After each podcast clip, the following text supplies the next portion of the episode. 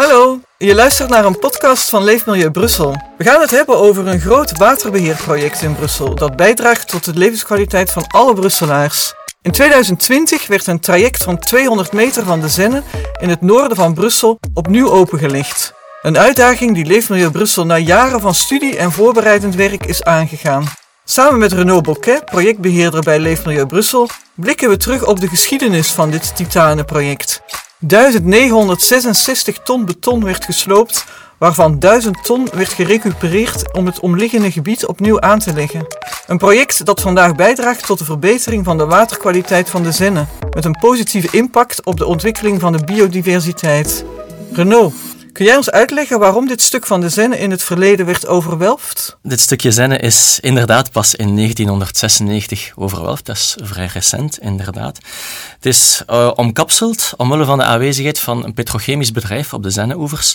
Maar het was vooral uh, beducht voor uh, vervuiling. Vervuiling door koolwaterstoffen van dat bedrijf. En waarom heeft Leefmilieu Brussel dan nu beslist om het stuk van de rivier weer open te leggen? Omdat de petrochemische industrie ondertussen verdwenen is. Het bedrijf is gestopt en de omliggende percelen zijn gesaneerd. Dus er is geen vervuiling meer.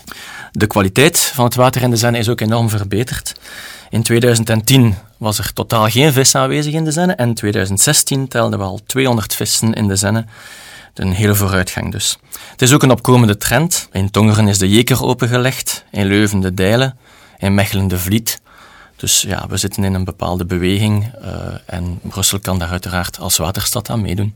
En wat zijn de voordelen van dit project voor de Brusselaars? Het, het, project heeft tal van voordelen voor de Brusselaars. Het zal een soort totaalbeleving zijn uh, voor alle zintuigen.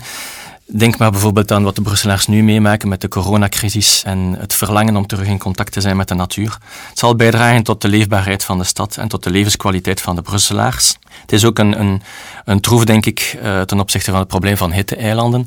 De stad warmt op in de zomer en water draagt bij tot de verkoeling van de stad. Oké, okay. uh, dankjewel Renaud Bocquet voor het uh, interview. En hopelijk gaan de Brusselaars volop kunnen genieten van de weer opengelegde zinnen in dit stuk. Ja, ik zal dat in elk geval ook proberen doen.